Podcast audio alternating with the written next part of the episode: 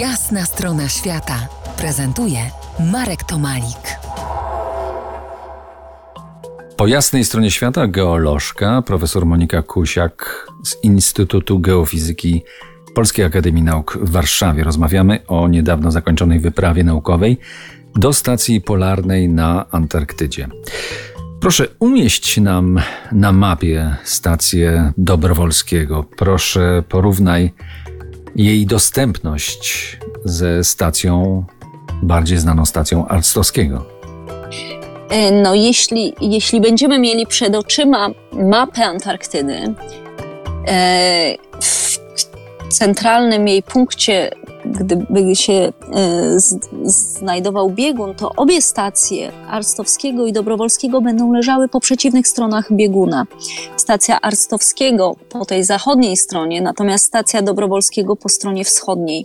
Jeśli chodzi w ogóle o kontynent antarktyczny, no jest on najbardziej niedostępnym kontynentem e, na Ziemi i nawet właśnie te mm, wyspy należące do archipelagu Szetlandów Południowych, te wyspy Antarktydy Zachodniej, są oddzielone od Ameryki Południowej mniej więcej odległością około tysiąca kilometrów. I to jest ta najbliższa odległość w ogóle, jaka jest.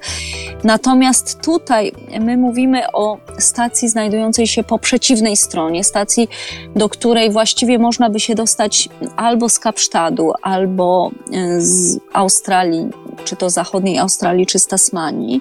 I jest to obszar bardzo niedostępny nie tylko ze względu na odległość, nie, nie tylko ze względu na konieczność pokonania tych lodów Antarktydy, ale również stacja Dobrowolskiego, znajdująca się w oazie Bangera, jest stacją oddaloną od brzegu antarktycznego około 80 kilometrów.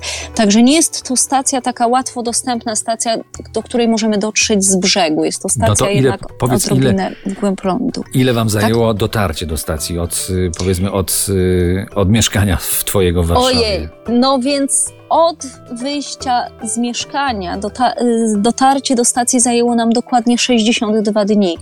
Jednakże ten, ta długość podróży częściowo wynika z warunków covidowych, w jakich y, znajdował się świat jesienią, ponieważ obawialiśmy się, że Kapsztad będzie zamknięty. Wyjechaliśmy miesiąc wcześniej, wyjechaliśmy z Warszawy do Bremenhaven autami, autami służbowymi spod Instytutu Geofizyki wraz z kolegami z logistyki, którzy nas wspierali i wspierają do końca.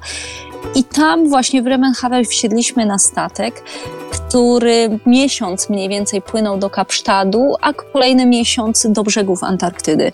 Także na statek wsiedliśmy 8 listopada, a 8 stycznia roku bieżącego helikopterami ze statku zostaliśmy dowiezieni do e, oazy Bangera, w której znajduje się stacja. Do tej magii Antarktydy powrócimy za kilkanaście minut.